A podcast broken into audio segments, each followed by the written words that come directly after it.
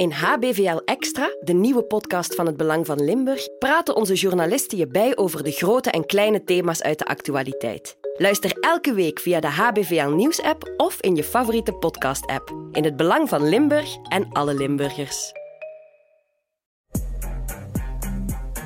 Terug naar de zomer van 1993. De 18-jarige studente Tanja Groen uit het Noord-Hollandse Schagen verdwijnt in de nacht van 31 augustus op 1 september in de buurt van Maastricht.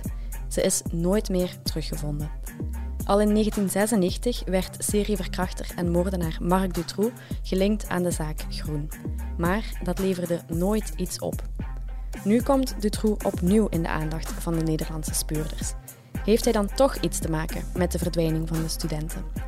Ik ben Kato Poelmans en dit is Deze Week, de wekelijkse podcast van het Belang van Limburg. Filip Erges, jij hebt uh, voor het Belang van Limburg de zaak Tanja Groen de voorbije maanden opgevolgd. Uh, de Nederlandse speurders hebben nu een rechtshulpverzoek ingediend aan België. Wat uh, betekent dat eigenlijk? Maar concreet komt dat erop neer dus dat de justitie in Nederland zeg maar, vragen heeft gesteld, gericht aan Belgische justitie met betrekking tot in dit geval het dossier van Marc Dutroux. Dus mhm. zij, uh, er is een cold case team is bezig met de verdwijning van Tanja Groen. En in het kader van dat onderzoek zijn ze verschillende pisten aan bewandelen, waarvan eentje die is van, is Marc Dutroux of zijn entourage van destijds betrokken geweest bij de verdwijning van Tanja Groen. En omdat zij wel enkele aanwijzingen zagen, hebben ze eigenlijk een rechtshulpverzoek, een Europees rechtshulpverzoek, gericht aan België met de vraag van, kijk, mogen we info krijgen uit het dossier van Marc de Troe? In dat rechtshulpverzoek wat zij gericht hebben aan België, staat, staan meerdere zaken, maar eentje daarvan is het DNA. Dus er zijn DNA-profielen van onbekenden die in het dossier van de Troe zitten. Dat zijn 26 profielen. En daar willen zij graag, dat willen zij graag vergelijken met het DNA wat zij hebben van Tanja Groen. Ja, misschien moeten we even voor de jongere, jongere luisteraars nog eens zeggen wie is Marc Dutroux ook alweer? Dutroux was het gezicht wat zij hadden van, van een monster die, die eigenlijk kinderen wegnam. Uh, wat heeft Marc Dutroux gedaan? Hij heeft uh, meerdere meisjes uh, ontvoerd gehad. En in de jaren 90, met de jaren 90 is een, uh, in 96 is dat allemaal uitgekomen. Dus ze hebben toen Letitia en Sabine, hebben zij dan, heeft de politie eigenlijk gevonden bij een huiszoeking bij hem. En dat heeft een heel onderzoek in gang gezet, waarbij aan het licht is gekomen dat hij verantwoordelijk is eigenlijk voor ja, de moord op, op vier andere jonge vrouwen. En we spreken dan over uh, Anne en Eefje uh, uit Limburg, die ons heel goed bekend zijn. En dan ook nog over Julie en Melissa. Ja. En die zijn dus alle vier eigenlijk door hem vermoord, verkracht geweest. Uh, door hem en zijn entourage was een hele bende. En ik denk dat hij wel inderdaad gezegd is van het kwaad, van de schrik die heel veel mensen destijds hadden. Hij was daar het beeld van. Ja, en bij zijn thuis of bij een van zijn huizen, want hij had verschillende huizen natuurlijk, zijn er DNA-profielen gevonden. Je zei het al, 26 onbekende DNA-profielen. Zijn die dan eind jaren 90 niet onderzocht? Ja, dat is eigenlijk moeilijk te zeggen. Dus er is heel veel bewijsmateriaal gevonden in zijn bestelwagens, in zijn voertuigen, uh, bij de huiszoekingen, maar ook bij huiszoekingen in zijn entourage, dus bij de betrokkenen, de, de mededaders, zeg maar. En dat is allemaal bewaard gebleven. Gedeelte daarvan, er zijn DNA-profielen uitgetrokken. 26 totaal, 8 vrouwelijk, waarvan ze zeker zijn. Anderen zijn zelfs niet nader bepaald, dus dat weten ze niet mannelijk-vrouwelijk.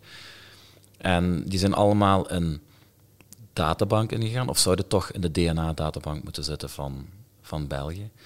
Maar of daar verder veel mee gedaan is, is niet bekend. Dat is eh, ter beschikking gesteld, moest het ooit zo zijn.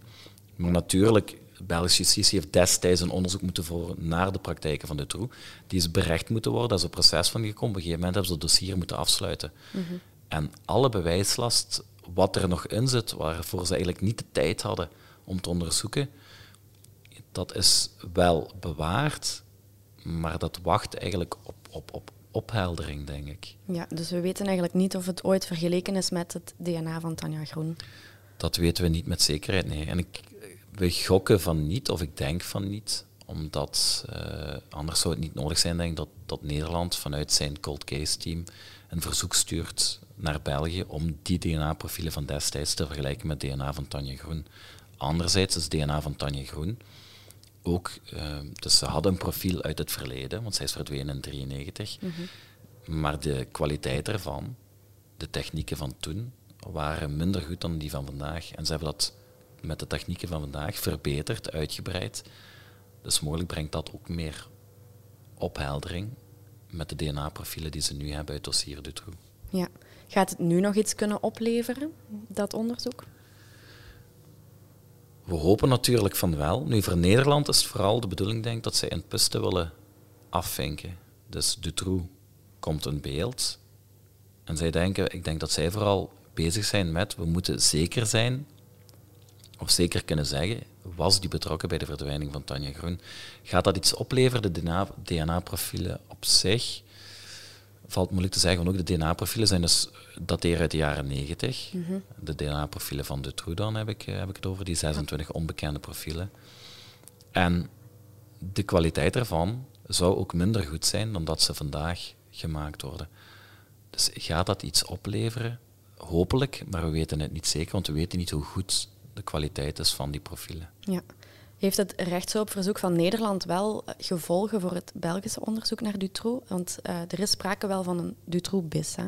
Er zijn mensen die dat hopen. Dus destijds is het uh, dossier Dutroux, is destijds na het proces, is dat afgesloten. Maar alles wat er nog in zat, alle materialen wat ze nog hebben, alle bewijslast, is in het dossier Dutroux-bus gestoken. Voor het geval dat moest er in de toekomst een onderzoek gevoerd worden waarbij Dutroux en zijn entourage verdacht zijn, dan kan dat materiaal gebruikt worden in het kader van het onderzoek. Er zijn mensen die, die vinden dat er te weinig aandacht besteed is, dat nooit niemand dat in handen heeft genomen, Dutroux is. Misschien kan dit wel een aanleiding zijn om te zeggen van kijk, we gaan ons terug onze tanden daarin vastzetten, we gaan ons daarin vastbijten en we gaan proberen om daar toch meer zaken uit op te helderen.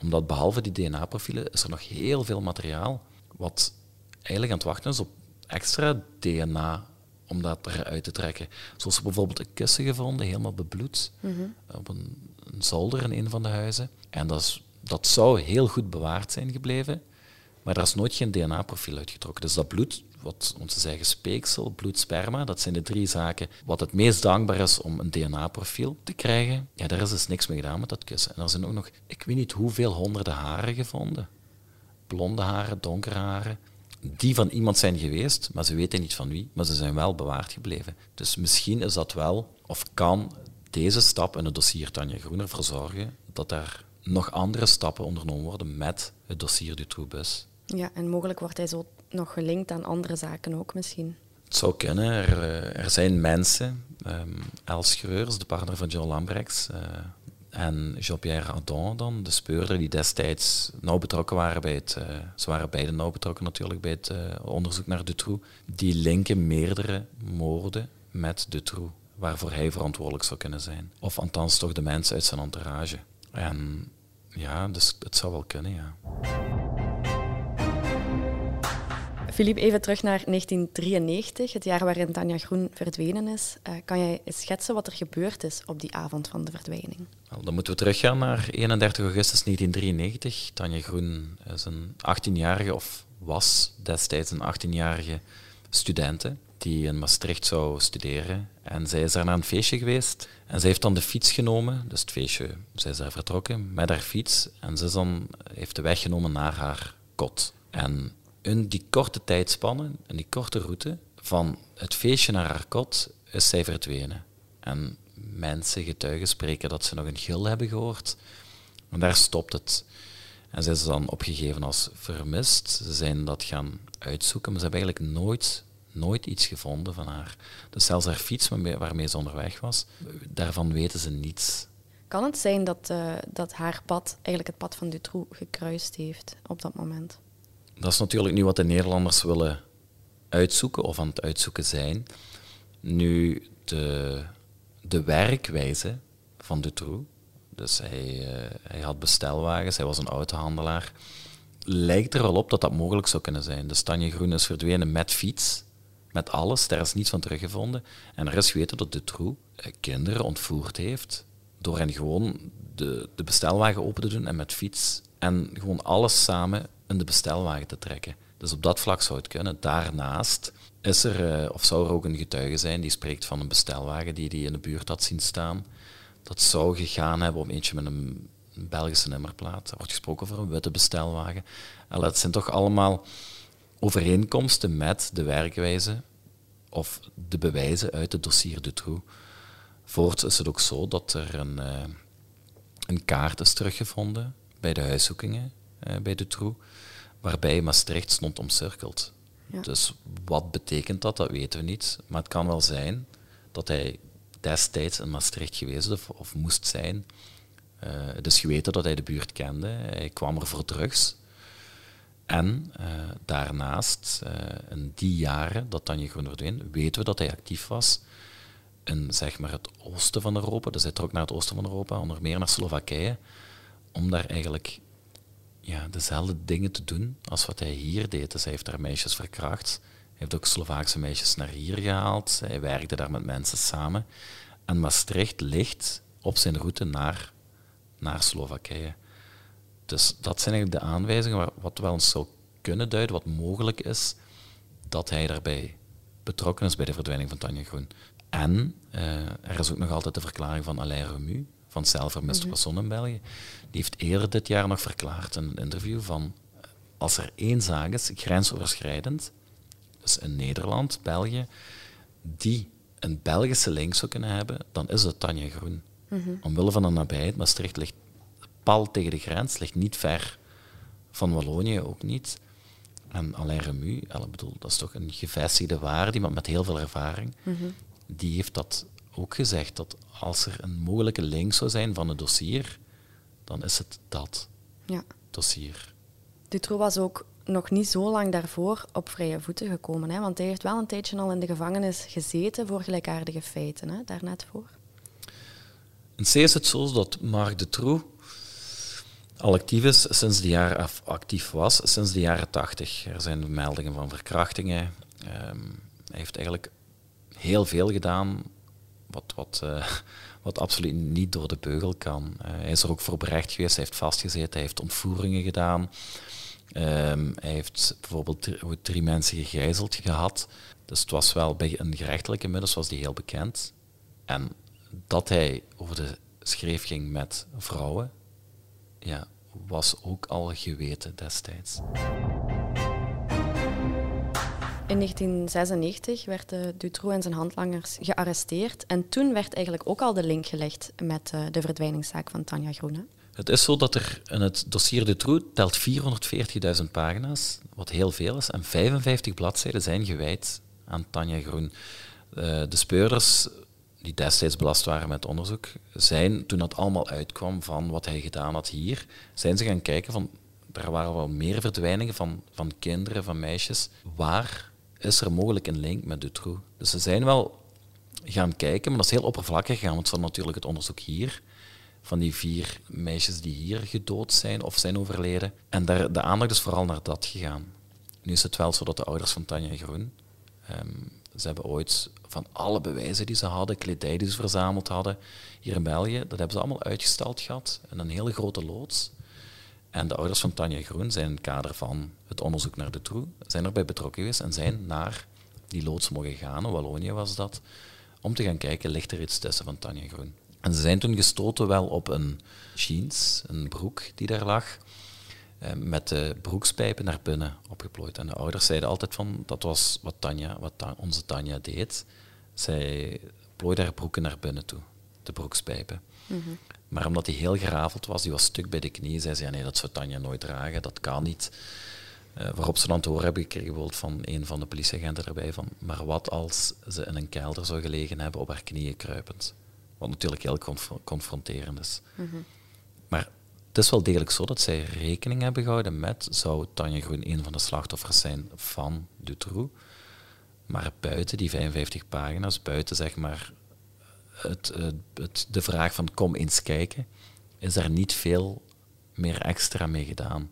Nee, oké. Dus daar is eigenlijk niet zo heel veel uit, uit voortgekomen dan, hè, in die fase van het onderzoek. Nee, hij is wel heel even in beeld gekomen, maar daar is niet verder op gegaan. Ja. En is dat ergens misgelopen in de samenwerking tussen België en Nederland toen? Of was het echt een kwestie van prioriteiten stellen en de aandacht naar uh, het Belgische onderzoek zelf houden? Vandaag zullen er mensen zijn die zeggen het is te weinig onderzocht, dat is misgelopen, ze daar veel meer, veel meer mee moeten doen. Maar het dossier in België was al zo groot dat ik me wel kan voorstellen dat ze op een gegeven moment gewoon moeten zeggen van hier stopt het, daar gaan we ons mee bezighouden. En de rest, dat zien we dan nog wel. Het enige wat we misschien wel kunnen zeggen is, had na de veroordeling van de Troe, had er dan niet verder gegaan moeten worden met de rest wat er nog over was. Dat is misschien wel iets waarover we moeten nadenken. Had er niet meer mee moeten gedaan worden. Intussen zullen ook de speurders in de verdwijningszaak van Tanja Groen niet hebben stilgezeten, veronderstel ik. Uh, zijn er eigenlijk nog andere verdachten in beeld gekomen? Ja, ze hebben daar eigenlijk de voorbije decennia, want ze is, al, ze is al bijna 30 jaar verdwenen, toch wel heel wat gedaan. En het feit dat nu de Troe genoemd wordt, is slechts één van de namen. Want in het verleden zijn er nog geweest. Ze keken dan vooral naar Nederlanders, Nederlanders die genoemd zijn. En dat is ook nader onderzocht. Ze hebben dus echt wel, denk ik, elke steen omgedraaid om te kijken of er iets. Ik bedoel, daar is ooit een graf geweest wat ze hebben opengelegd omdat dat graf op het moment dat Tanja verdwenen is, eh, zou hebben opengelegen. Dus dat graf, daar moest nog, daar moest nog een begrafenis zijn. En er kwam dan een tip van, ja, maar dat lag open. Dus ze hebben zelfs dat graf opengehaald. Dus het is niet zo dat ze niks gedaan hebben. Dus ze hebben echt wel heel veel pistes bewandeld. Er zijn meerdere verdachten in beeld gekomen, maar het heeft wel nooit tot iets geleid. Nee. Kan het ook gewoon zijn dat het nooit een misdrijf geweest is, dat ze effectief gewoon verdwenen is en dat er iets anders gebeurd is? Er zijn natuurlijk verschillen tussen, tussen Tanja Groen en Elke Wevers, maar Tanja Groen is misschien wel de Elke Wevers van die wij in Limburg hebben. Van beide is geweten wat ze nog gedaan hebben net ervoor. Bijvoorbeeld Elke Wevers, daar zijn beelden van, camerabeelden, van een, uh, een nachtwinkel waarop ze te zien is. Van Tanja Groen is geweten dat zij op het feestje vertrokken is. En vanaf dan lopen de verhalen eigenlijk gelijk. Dus beide zijn lijken van de aardbodem verdwenen. Daar is niets meer van teruggevonden, geen spoor. Dus zou het kunnen, bij elke weersboot wordt ook gezegd van het kan een misdrijf zijn, het kan ook geen misdrijf zijn. Zou dat kunnen dat bij Tanja Groen het geval is? Ja, dat kan. Ze was tenslotte 18 jaar, dat is meerderjarig. In Nederland bestaat er iets als het recht op verdwijnen. Kan dat? Kan het geen misdrijf zijn? Kan, kan er gewoon iets overkomen zijn, een ongeluk? Dat kan, denk ik wel. Maar nu lijkt het er toch op dat ze kijken naar een misdrijf. Dus dat er kwaad opzettend spel is, dat er derden bij betrokken zijn. Misschien nog een laatste vraag, Filip. Um, wanneer mogen wij daar iets van verwachten van, van dat DNA-onderzoek? Is dat geweten? Het rechtshulpverzoek, uh, België heeft gezegd, we werken daaraan mee. Dus zij gaan alle informatie die is opgevraagd, uh, ze hebben bevestigd, we gaan dat overhandigen aan Nederland. Wat betreft het DNA-onderzoek of de DNA-profielen, de vergelijking daarvan, um, Blijkbaar wordt gezegd, is het zo dat wanneer dat rechtshulpverzoek bij het NICC komt, NICC dat is het Nationaal Instituut waar ze alles eigenlijk verzamelen van misdrijven, van onder meer misdrijven, bewijslast, DNA-materiaal. Eh, van het moment dat zij daar de melding krijgen van, kijk, dat moet gecontroleerd worden, wordt dat eigenlijk meteen gedaan. Dat blijft geen weken of maanden meer liggen. Dus het is best mogelijk dat we dat heel snel, of dat de Nederlanders dat heel snel gaan weten wat het resultaat ervan is. We weten natuurlijk niet wat de andere vragen zijn uit het rechtshulpverzoek. Stel dat er gevraagd wordt om ook DNA te trekken uit de andere bewijsmaterialen die er nog liggen, klaar om onderzocht te worden, maar waar nog niks mee gedaan is, dat neemt natuurlijk veel meer tijd in beslag. Dus we weten niet, ja, gaat, gaat er snel duidelijkheid komen of niet, dat valt nog af te wachten. Ja, we zullen er sowieso nog wel van horen. Hè. Dankjewel, Filip. Dit was deze week, de wekelijkse podcast van het Belang van Limburg. Bedankt voor het luisteren. Wil je reageren? Dat kan via podcast.hetbelangvanlimburg.be.